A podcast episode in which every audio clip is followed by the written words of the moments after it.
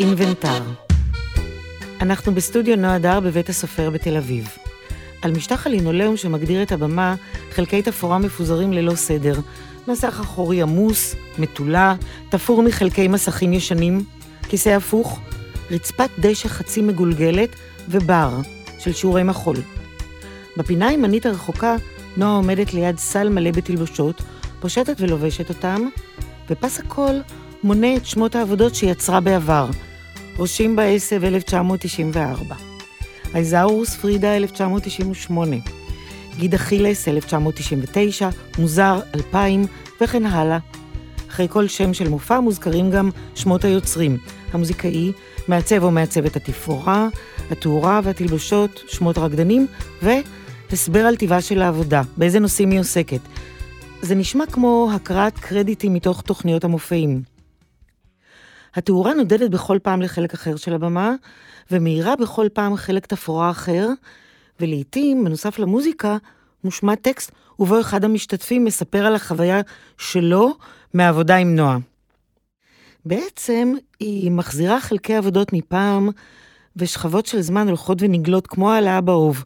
למשל קולה של רננה רז שנשמע ב voice over כשהיא מספרת על עבודה שהשתתפה בה, ועל הבמה מולנו נועה מרימה את המספריים המחודדות, אלה שהיו בעבודה שרננה מדברת עליה, לנשוך בקליפות מ-1997, והיא, נועה, מבצעת את הסולו של רננה רז מאז.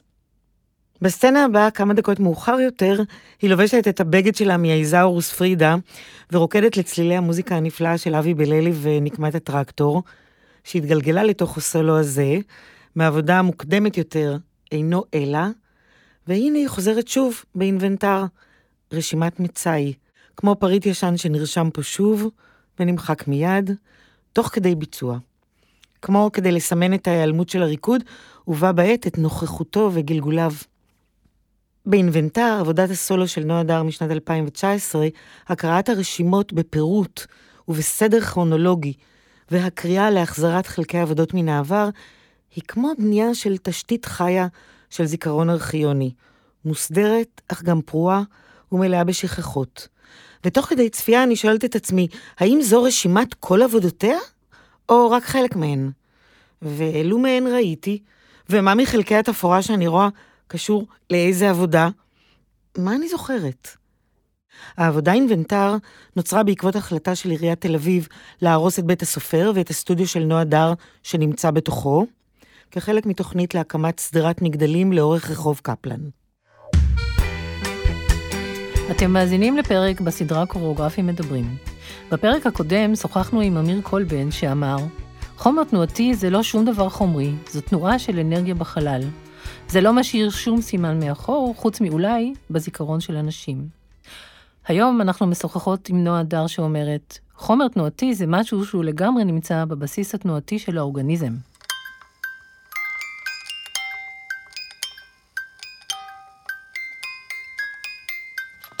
אתם מאזינים לחיות מחול, פודקאסט על המחול העכשווי בישראל.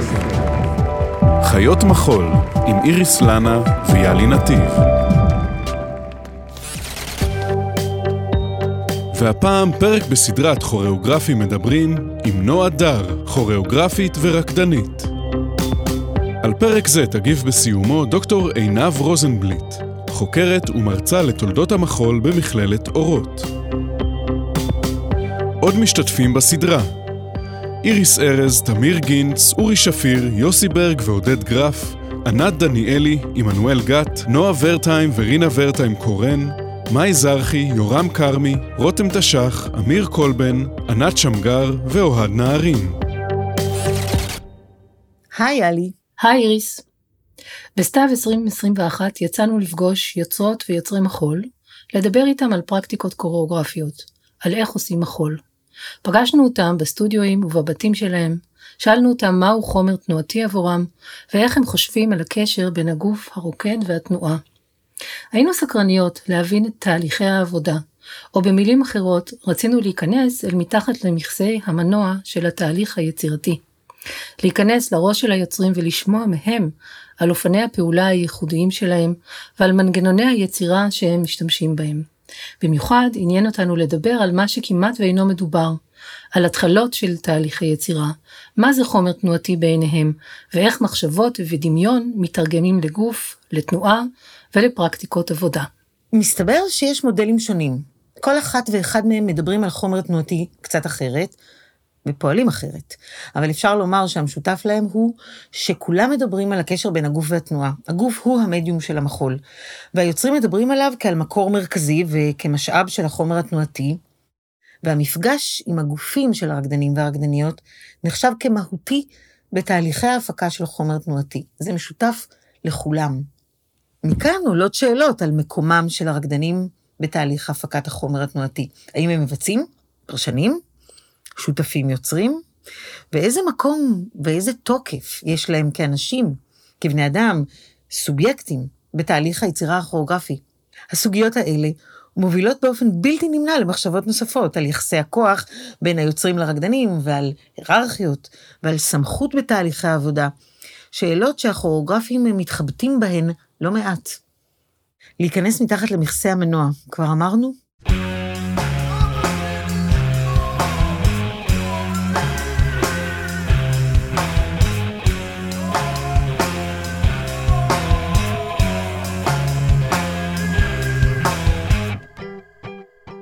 נועה, תודה רבה על זה שאת מארחת אותנו פה בסטודיו שלך. אנחנו... תודה לכן. יש לך שפה תנועתית שהיא מזוהה. אה, אני לא, אני לא יודעת לגבי זה, זאת אומרת אני יודעת שאומרים את זה, אבל אני לא יודעת לגבי זה. אה, זה גם נורא תלוי באיזה תקופה של היצירה שלי מדובר. אה, האם העבודות המוקדמות יותר, או ה... בכל מקרה הווקבולרי מאוד התפתח במהלך השנים, זאת אומרת התחיל מאוד אה, רזה, היו לי הרבה מאוד אה, הגבלות על הבחירות התנועתיות ששמתי על עצמי, חיפשתי תנועה שהיא קראתי לה פרימיטיבית, אבל משהו שהוא מאוד מאוד ראשוני, מאוד גולמי, אמ, לא תנועה אמ, מעובדת, צורנית, אלא אמ, משהו שהוא לגמרי נמצא בבסיס התנועתי של, ה, של האורגניזם ה... ככל שהזמן עבר, אני חושבת שהוספתי יותר ויותר מילים למילון שלי. בהמשך גם התנועה עצמה כבר לא הייתה איזה תנועות יעשו בדיוק, אה, כבר לא היה המרכז של הדבר, אלא יותר היה האיכות שלהן, הקומפוזיציה שלהן, אה, ודווקא באמת התנועה, אני חושבת שרוב שנות האלפיים היו עבודות, התנועה הייתה של הרקדנים, זאת אומרת בגדול, ב, ב, התנועה נבעה מהרקדנים ואני בעצם הייתי זו ש... עיצבתי אותה ויצרתי ממנה קומפוזיציה. איך היא נבעה מהרקדנים? זאת אומרת, מה היו הפרוצדורות או פרקטיקות העבודה שגרמו לרקדנים להביא את החומר התנועתי? סשנים מאוד מאוד ארוכים, אה, שבועות וחודשים לפעמים של אה, אימפרוביזציות, אבל על אה, סביב דימוי מסוים, נושא מסוים, שהלך וקיבל יותר ויותר ספציפיקציות. למשל עבודה על נשימה, כן? אז אנחנו עובדים בסטודיו על, על צורות שונות של נשימה, מהירה, איטית, אה, מהשרעפת, מהגבוה יותר, מה קורה לגוף כשהוא מתמלא, מה קורה כשהוא מתרוקן, איזה תנופה הוא מקבל, איזה משקל יש לו כשהוא מלא, איזה משקל יש לו כשהוא מתרוקן, איך הוא מגיב לתנועת נשימה מהירה, איך הוא, איפה הוא נמצא כשהוא אה, בתנועת נשימה אה, רגועה יותר, בכלל מה, מה קורה לגוף ומה קורה כתוצאה מזה למצב המנטלי של הרקדן בזמן שהוא עובד עם אה, וריאנטים שונים, עם סוגים שונים של נשימה. ו... מתוך זה הדבר הבא, זאת אומרת זאת התנסות אחת ואז התנסות נוספת מה קורה אה, להשפעה אה, של אחד על השני, תוך כדי הנשימות, ומה קורה לזה כשזה נע בחלל אה, הוריזונטלי, ומה קורה לזה כשזה נע באופן אה, אנכי, מה קורה בעצירת הנשימה, מה, אה, עד, עד כמה זה, זה נמצא שם, עד כמה אפשר להחזיק את זה. אה, איזה, איזה אה, מאמץ זה גורם, איזה רגש אה, זה, זה מעלה, אה, ואז איך עם זה אפשר לדבר עם, ה, עם הקהל, איך אפשר לדבר עם זה עם הפרטנר. אז מתוך נגיד רקדנים מתנסים, אני נותנת כל פעם דגש אחר, ומתוך כל החומר הזה שנאסף, נוצר הקטע המסוים הזה בתוך העבודה שמתייחס לנשימות, למשל. אוקיי. עבודה אחרת נגיד שאני חושבת על שהיא כולה הייתה בעצם אה, עם אה, תנועה מתוך הרקדנים וגם הרבה ממנה הייתה אה, אימפרוביזציה בזמן מופע היה אור שהוא כולו עבד על, על סנסיישנס שונים, כן, על, על, על תחושות גוף שונות שמתחברות למצבים רגשיים שונים שמתחברים ליחסים שונים.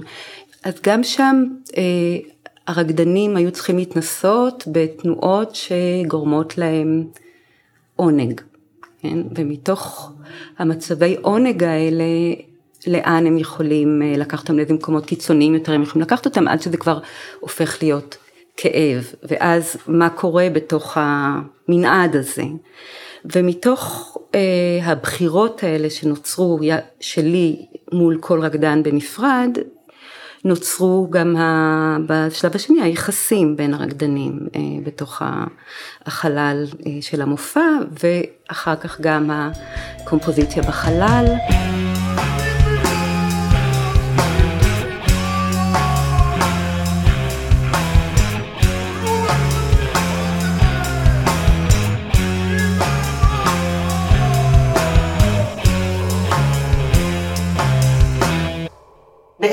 הגדרת אה, איזשהו מודל של עבודה, אה, איך את עובדת עם חומר תנועתי, איך את מחפשת אותו, ומה את עושה איתו. כן, כן, זה דרך אחת. אה, לפעמים החומרים כן היו כתובים, זאת אומרת כתובים מהבחינה הזאת שאני הבאתי חומר שכבר יצרתי, או שאני יוצרת אותו מול הרקדנים, הרקדנים לומדים תוך כדי זה שאני יוצרת אותו, ומתוך התגובה הגופנית שלהם, מה שאני רואה עליהם, אני ממשיכה אותו הלאה, או משנה אותו, או מתקנת אותו. איך הם לומדים את זה? את מראה להם? כן, אני עושה, אני, בעצם זה סוג של אימפרוביזציה מולם, אה, ואז אני סוגרת משהו, ואת זה לומדים, אני רואה את זה עליהם, לפי מה שאני רואה עליהם, אני משנה, או ממשיכה. איך את? את אומרת להם תעשו כמוני? כן, הם לומדים. חיקוי. הם לומדים, כן. בהתחלה, וזה שוב, זה בזמן שבעצם לומדים חומר תנועתי והוא לא תוצאה של עבודת אימפרוביזציה אה, של הרקדנים. למשל, שאני רוצה לעשות איזשהו יוניסונו, כן, או, או סולו, או משהו כזה. אחרי שהם לומדים דווקא מתוך מה שהם רואים, מתחילה בעצם העבודה האמיתית על התנועה, כי אז מתחילים לפרק את, ה, את הדבר הנראה לתחושות שלו, לדימויים שלו, לדגשים בו, אה, וזאת העבודה שבעצם מייצרת את האופי האמיתי של, ה, של הדבר. זה נכנס למין שלב כזה של עבודה קוריאוגרפית, של מבנים, של הרכבים, של... וזה אחר כך, זה אחר כך, השאלה על מה עובדים, זאת אומרת דואט או טריו, אז זה עבודה ממש אה, עם רקדנים, אה, תשים את יד ימין על הכתף שלה, ואז את רגל אה, שמאל אה, תיקח לשם ותחזיק, כלומר, אז זה בנייה ממש עליהם, כמו פיסול, כן? אבל נגיד אם לומדים משפט תנועתי, אז אה, כמו שתיארתי קודם. אבל תגידי, כשהם מאלתרים, ואת מסתכלת עליהם, איך את זוכרת מה הם עושים? את מצלמת? את, אה, אתם לומדים את זה יחד? איך את זוכרת?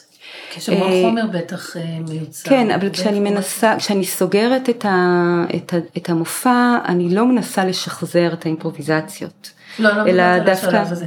ממש בשלב האימפרוביז- של האימפרוביזציה, שמאלתרים מאלתרים מייצרים חומרים מייצרים חומרים. אז זהו, שזה, את זה? זהו, שבש- זה בדיוק בגלל זה אמרתי שבשבילי האימפרוביזציה היא לא בשביל לייצר חומרים, אלא, אה, אלא להגיע למהות של הדימוי או הנושא, להתנסות ב... ב ואז כשאת רואה את זה להתנסות בזה, להבין את זה?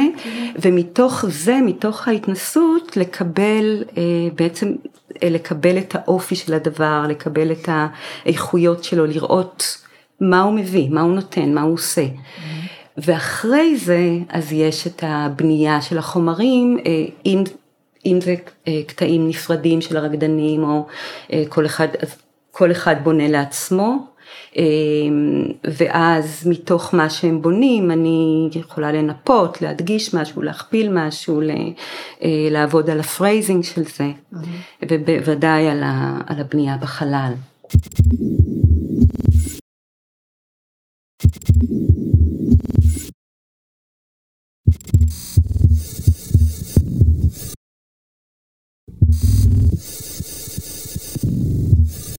העבודה שבה את מטביעה את התנועה לתוך הגוף, היא עבודה עם, עם הרבה מאוד רבדים, הרבה מאוד עבודה מושקעת שם.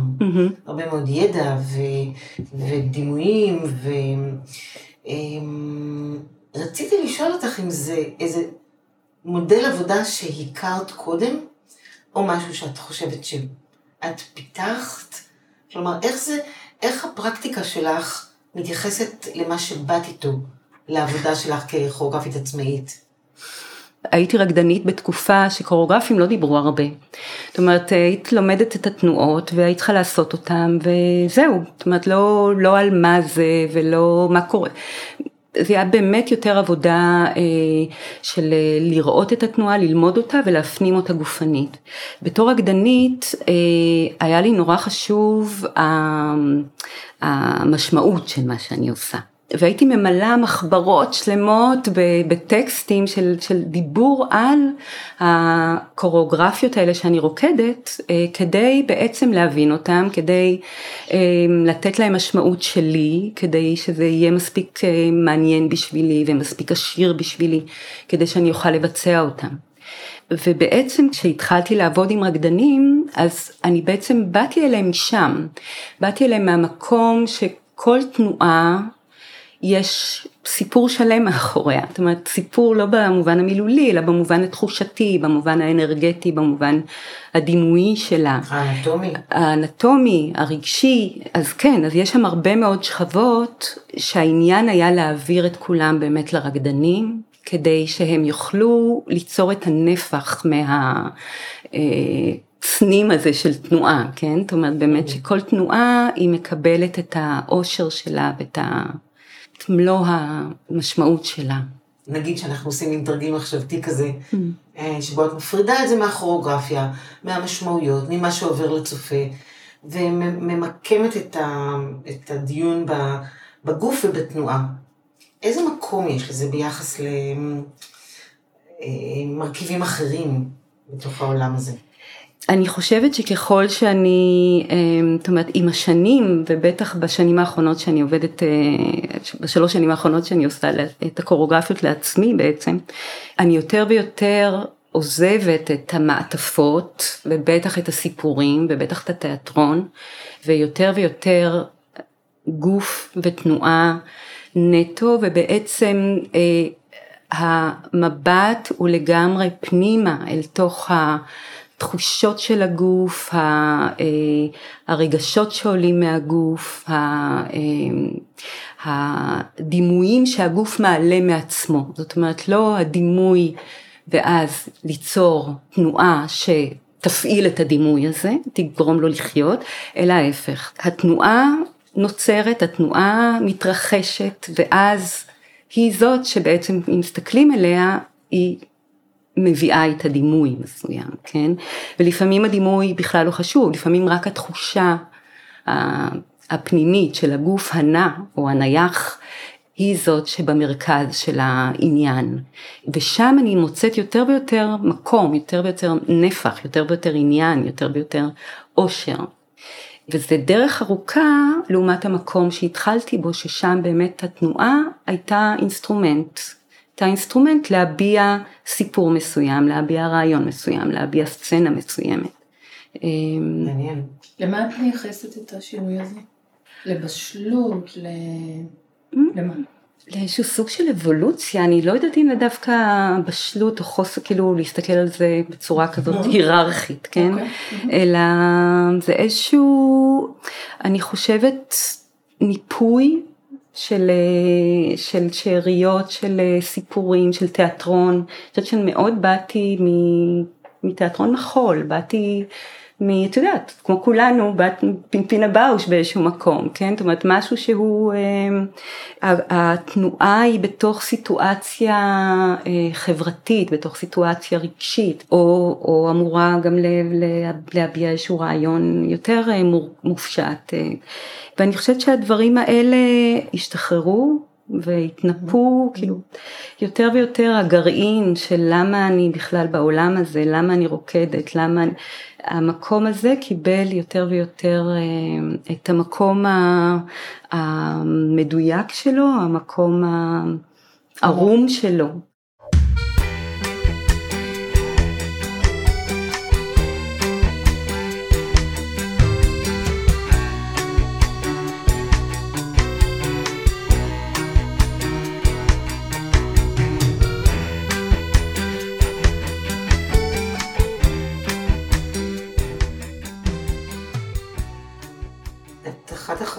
כוריאוגרפיות אה, שהרבה מאוד רקדנים שהיו אצלך בלהקה הפכו לכוריאוגרפים, mm-hmm.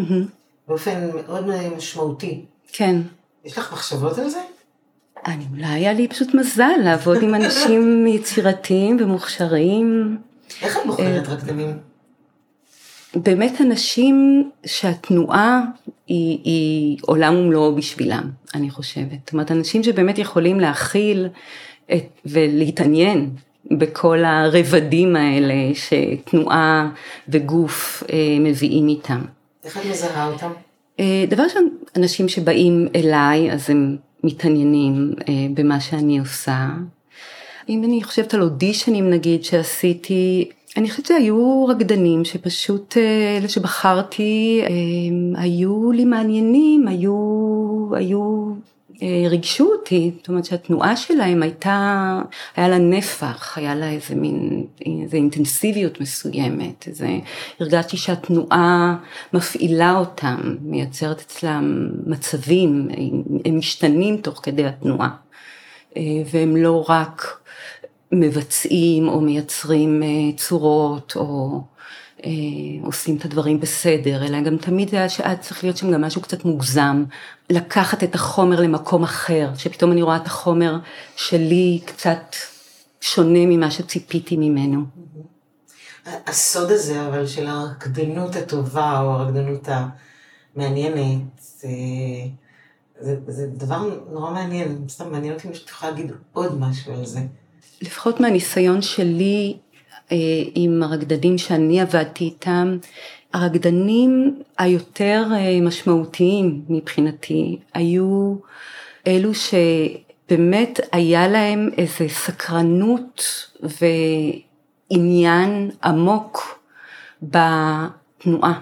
זאת אומרת, פשוט בתנועה, לא, ב, לא בפרפורמנס, אה, אלא בתנועה, באושר שהם יכולים למצוא בתוך המדיום. אה, של הגוף שלהם, של, ה, של ה, מה שהוא עושה במרחב, איך הוא בא במגע עם אה, גופים אחרים. אה, ואלו רקדנים מאוד מעמיקים, וככל שהם היו יותר מעמיקים, הם הביאו יותר גם מעצמם. ושם היה, שם היה המפגש המשמעותי שתרם הכי הרבה. איזה, איזה סוגי ידע הרקדנים שלך צריכים שיהיה להם מה הם צריכים לדעת שהם באים אלייך? או איזה סוג של ניסיון מכל סוג שפה, את חושבת? אני כן אה, אוהבת רקדנים בוגרים יותר, רקדנים שיש להם איזשהו מטען כבר ומשקע, רקדנים שהם אה, הם מחפשים את מה שהם אה, בתוך התנועה שלי או בתוך הרעיון שלי. יש להם דווקא איזושהי אג'נדה, זאת אומרת הם לא טבולה ראסה. הם, יש להם איזשהו טעם, יש להם איזשהו כיוון פנימי כזה ש, שאומר להם מה כן ומה לא ומה, אה, ולאן לקחת את, ה, את החומרים. אמ, הידע הוא ידע אה, גופני עמוק, אבל זה לפעמים גם אינטואיטיבי לגמרי, זאת אומרת זה לא משהו שהם למדו אי פעם. אבל כן, ככל שהם מגיעים עם יותר אה, ניסיון, אז הם כמובן כבר אספו יותר מידע. אה, כן, התנסויות. כן, כן, אבל גם רקדנים שהם לא רק בסטודיו, רקדנים שהם גם בעולם מבחינת העניין שלהם, מבחינת תחומי העניין שלהם. שהם יכולים להיות אה, פתוחים לדימוי אה, שבא מעולם אה, של אומנות ויזואלית, הם יכולים להיות פתוחים לטקסט ולהיות, להגיב אליו, הם יכולים להיות מעורבים פוליטית, זאת אומרת, אנשים שיש להם תוכן משלהם, שזז במקומות שהם לאו דווקא המקומות של הסטודיו ושל המחול ושל ה... הדבר הזה שדיברת עליו מקודם, שאפשר לקרוא לו אולי פרשנות גם, כן. אני זוכרת שכשראיתי את מיכל מועלם, באחת העבודות שלך, זה היה פעם, אולי הפעם הראשונה שהבנתי את העומק של הפרשנות של רקדן. נכון. מיכל היא באמת, אה, היא רקדנית פנומנלית. יצא לי גם לעבוד איתה לאורך הרבה מאוד שנים, וההתעמקות שלה בתוך מה שהיא עושה, עניין שיש לה בכל פיפס, בכל תזוזת אצבע, בכל, הכל כמו איזה מין אה, גוף מלא מלא בנקבוביות אה, רגישות mm-hmm. מאוד, ש, שכל דבר אה, מסמן לה משהו אחר ומעביר לה עוד אינפורמציה. ואז באמת כשעולה על במה גוף כזה, אז אתה, אתה שבע, אתה כאילו, אתה מקבל, מקבל ארוחה עם הרבה מנות.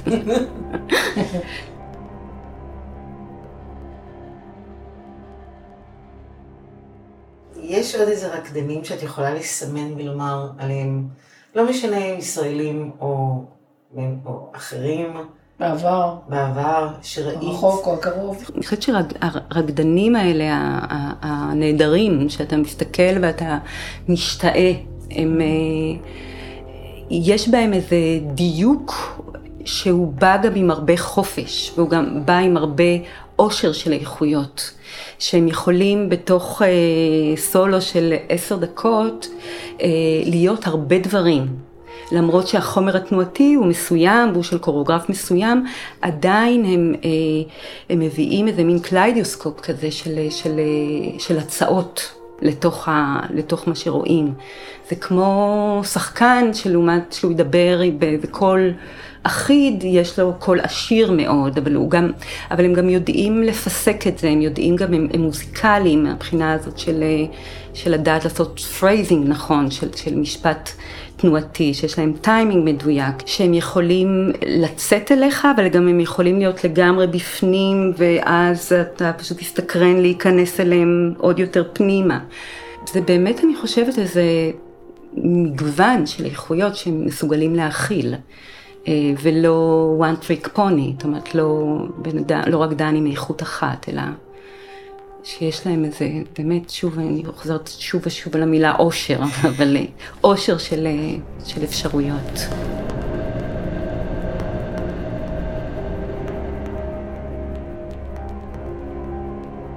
כשאת חושבת על גוף של רקדן, על, על הגוף עצמו, mm-hmm. עוד לפני החומר, יש שם איזה פרדיספוזיציות נדרשות? מבחינת היכולות של הגוף? יכולות, נראות, כאלה. אה, מבחינת יכולות יותר מאשר מבחינת נראות. כי נראות יש, אה, יכולות מגיעות בכל מיני נראויות. יכולות כן, כי אם אנחנו באמת רוצים להוציא את המגוון של האיכויות מהרקדן, אז הוא צריך להיות מסוגל לעשות הרבה דברים. הוא צריך להיות אה, גם חזק וגם גמיש וגם אה, קורדינטיבי וגם אה, קופץ טוב וגם לדעת לעבוד טוב עם רצפה וגם, זאת אומרת, זה, כן. יש איזה גופי ידע ספציפיים שאת מסמנת לעצמך, עושה וי שצריך שיהיו שם? השפה, האיכויות שאני עובדת איתן יותר אה, איכויות של אה, שלד, של, אה, של מפרקיות, של עבודה עם משקל, זה זרימה מסוימת, של קשר טוב עם הרצפה, זאת אומרת, זה בעצם נגיד מישהו שעשה רק בלט קלאסי כל חייו יעבוד פחות טוב בחומרים האלה, מאשר מישהו ש... התאמן יותר על אה, טכניקות מודרניות, אה, או על אומנויות לחימה, או על אה, קונטקט, או דברים מהסוג הזה. זאת אומרת, יש דגשים ברורים לכיוונים האלה, כמו שאת מתארת. כן, כן, למרות שלא רק קונטקט ולא רק אומנויות לחימה, זאת אומרת, הוא כן צריך גם לדעת צורה, גם להבין את הגוף שלו בתוך צורה מסוימת, ואיך להביא את הגוף שלו לתוך צורה מסוימת, להיות בקשר גם עם זה. מה, מה עושים, איזה שיעורי בוקר אתם עושים? איזה חימום להקה עושים? זה מאוד אה, משתנה, זאת אומרת יש את השיעור שאני הייתי מעבירה לרקדנים אה, אה, כל יום, שהוא שיעור שבעצם מושפע גם מפלדנקרייט וגם מיוגה וגם אה, מאומנויות לחימה אה, וגם מבלט. ויש uh, שיעורים, נגיד תקופות שהם לקחו אייקידו, שהבאתי מורה לפלדנגרד, שהבאתי מורה קלאסי, mm-hmm. זאת אומרת זה גם קצת היה תלוי על מה עבדתי באותה תקופה. מעניין, זאת אומרת את מחזקת היבטים מסוימים של העבודה הגופנית דרך גופי ידע ספציפיים. כן, כן, כן, נגיד על אור הזה הבאנו עבודה של uh, body mind centering, uh, הבאתי uh, מישהו שיעבוד, שיעשה לנו שיעורי אלכסנדר, בטח פלדנקרייז, זאת אומרת הייתה עבודה שהיא יותר סומטית ויותר להגיע לכל מיני תחושות בכל מיני רבדים של הגוף, אז הלכתי למקומות האלה, כן. תודה רבה נועה. תודה נועה.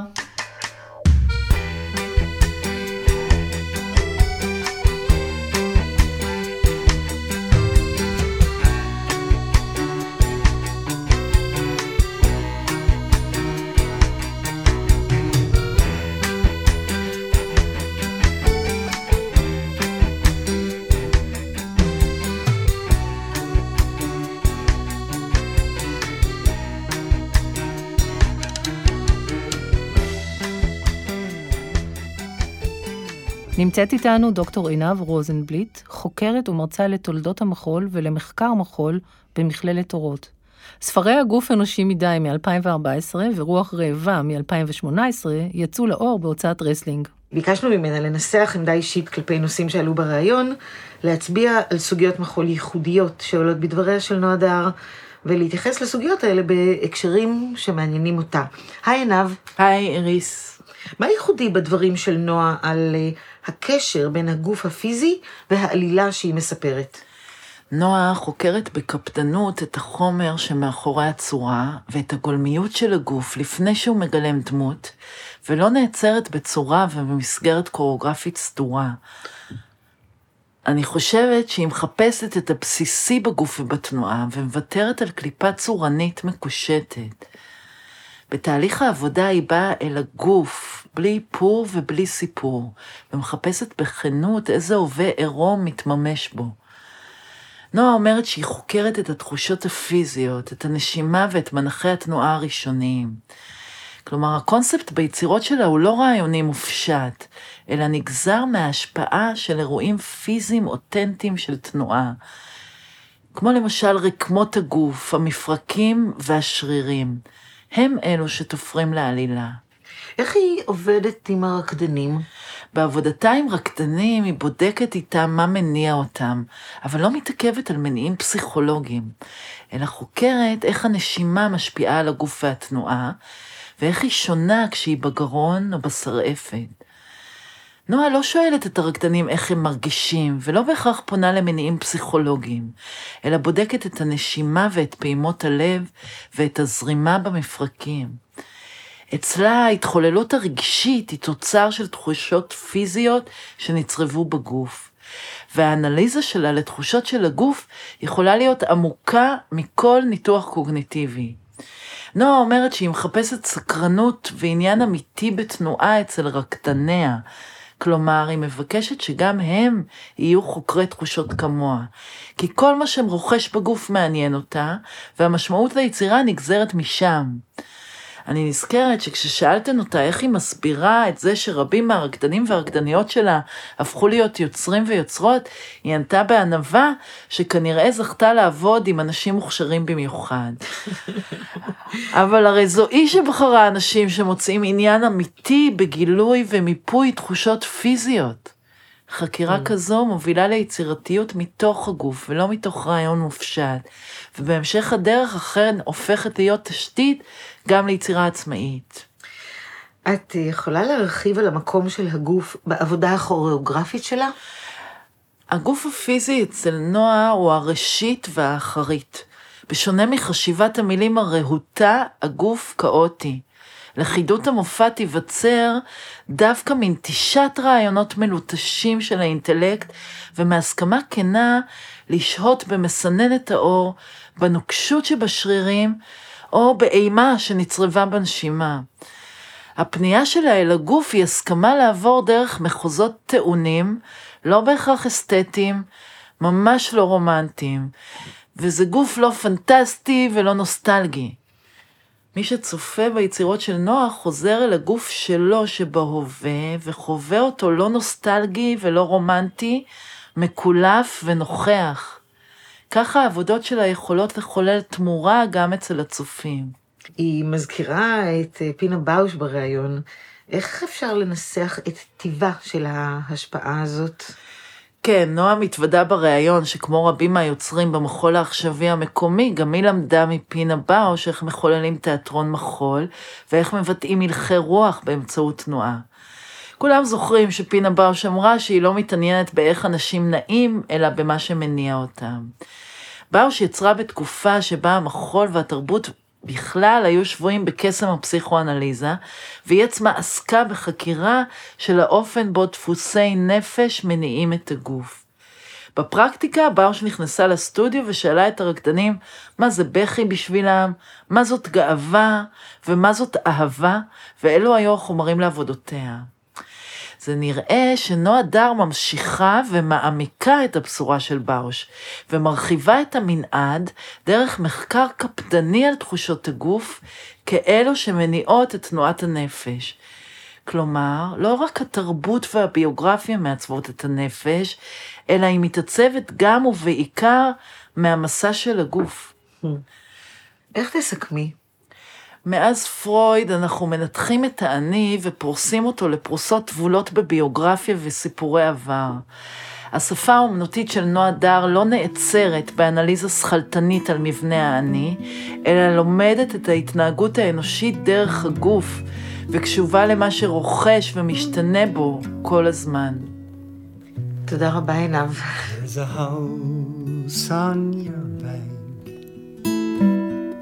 תודות לנועה דר ולדוקטור עינב רוזנבליט.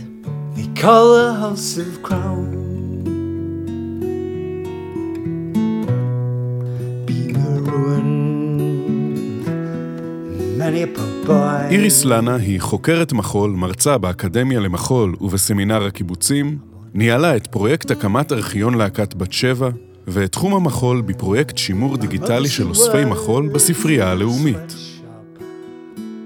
יאלי נתיב היא מורה וחוקרת מחול בהקשרים סוציולוגיים ואנתרופולוגיים. היא מרצה בכירה במכללה האקדמית לחברה ואומנויות, ASA, כותבת על חינוך לאומנויות, סוציולוגיה של הגוף, התנועה והמופע, ועל מחול והחברה הישראלית. מחקרה העכשווי עוסק ברקדנים מקצועיים מזדקנים. יאלי היא יושבת ראש עמותת הכוריאוגרפים. אנחנו מזמינות אתכן ואתכם לבקר באתר הפודקאסט חיות מחול. שם תמצאו תצלומים, קטעי וידאו וכישורים ליצירות שדיברנו עליהם בפרק, ולהקשיב לפרקים הקודמים של הפודקאסט. הפקת הפודקאסט נערכה בשותפות עם המחלקה לדיפלומטיה תרבותית במשרד החוץ. הפודקאסט הוא חלק מפלטפורמת השיח "תיץ, מחול ומחשבה". תודות לעידו פדר, לעמותת הכוריאוגרפים ולמשרד התרבות והספורט.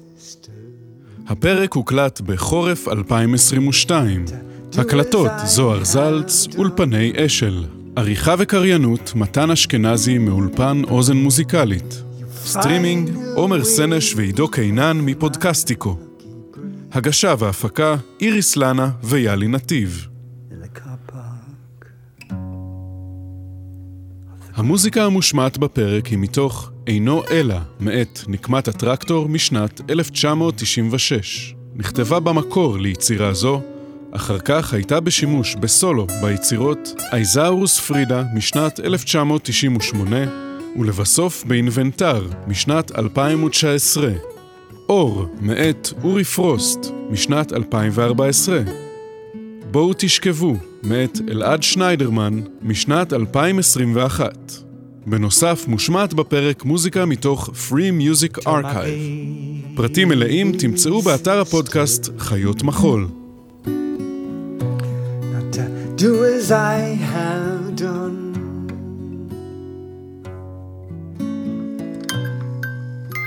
Find a way.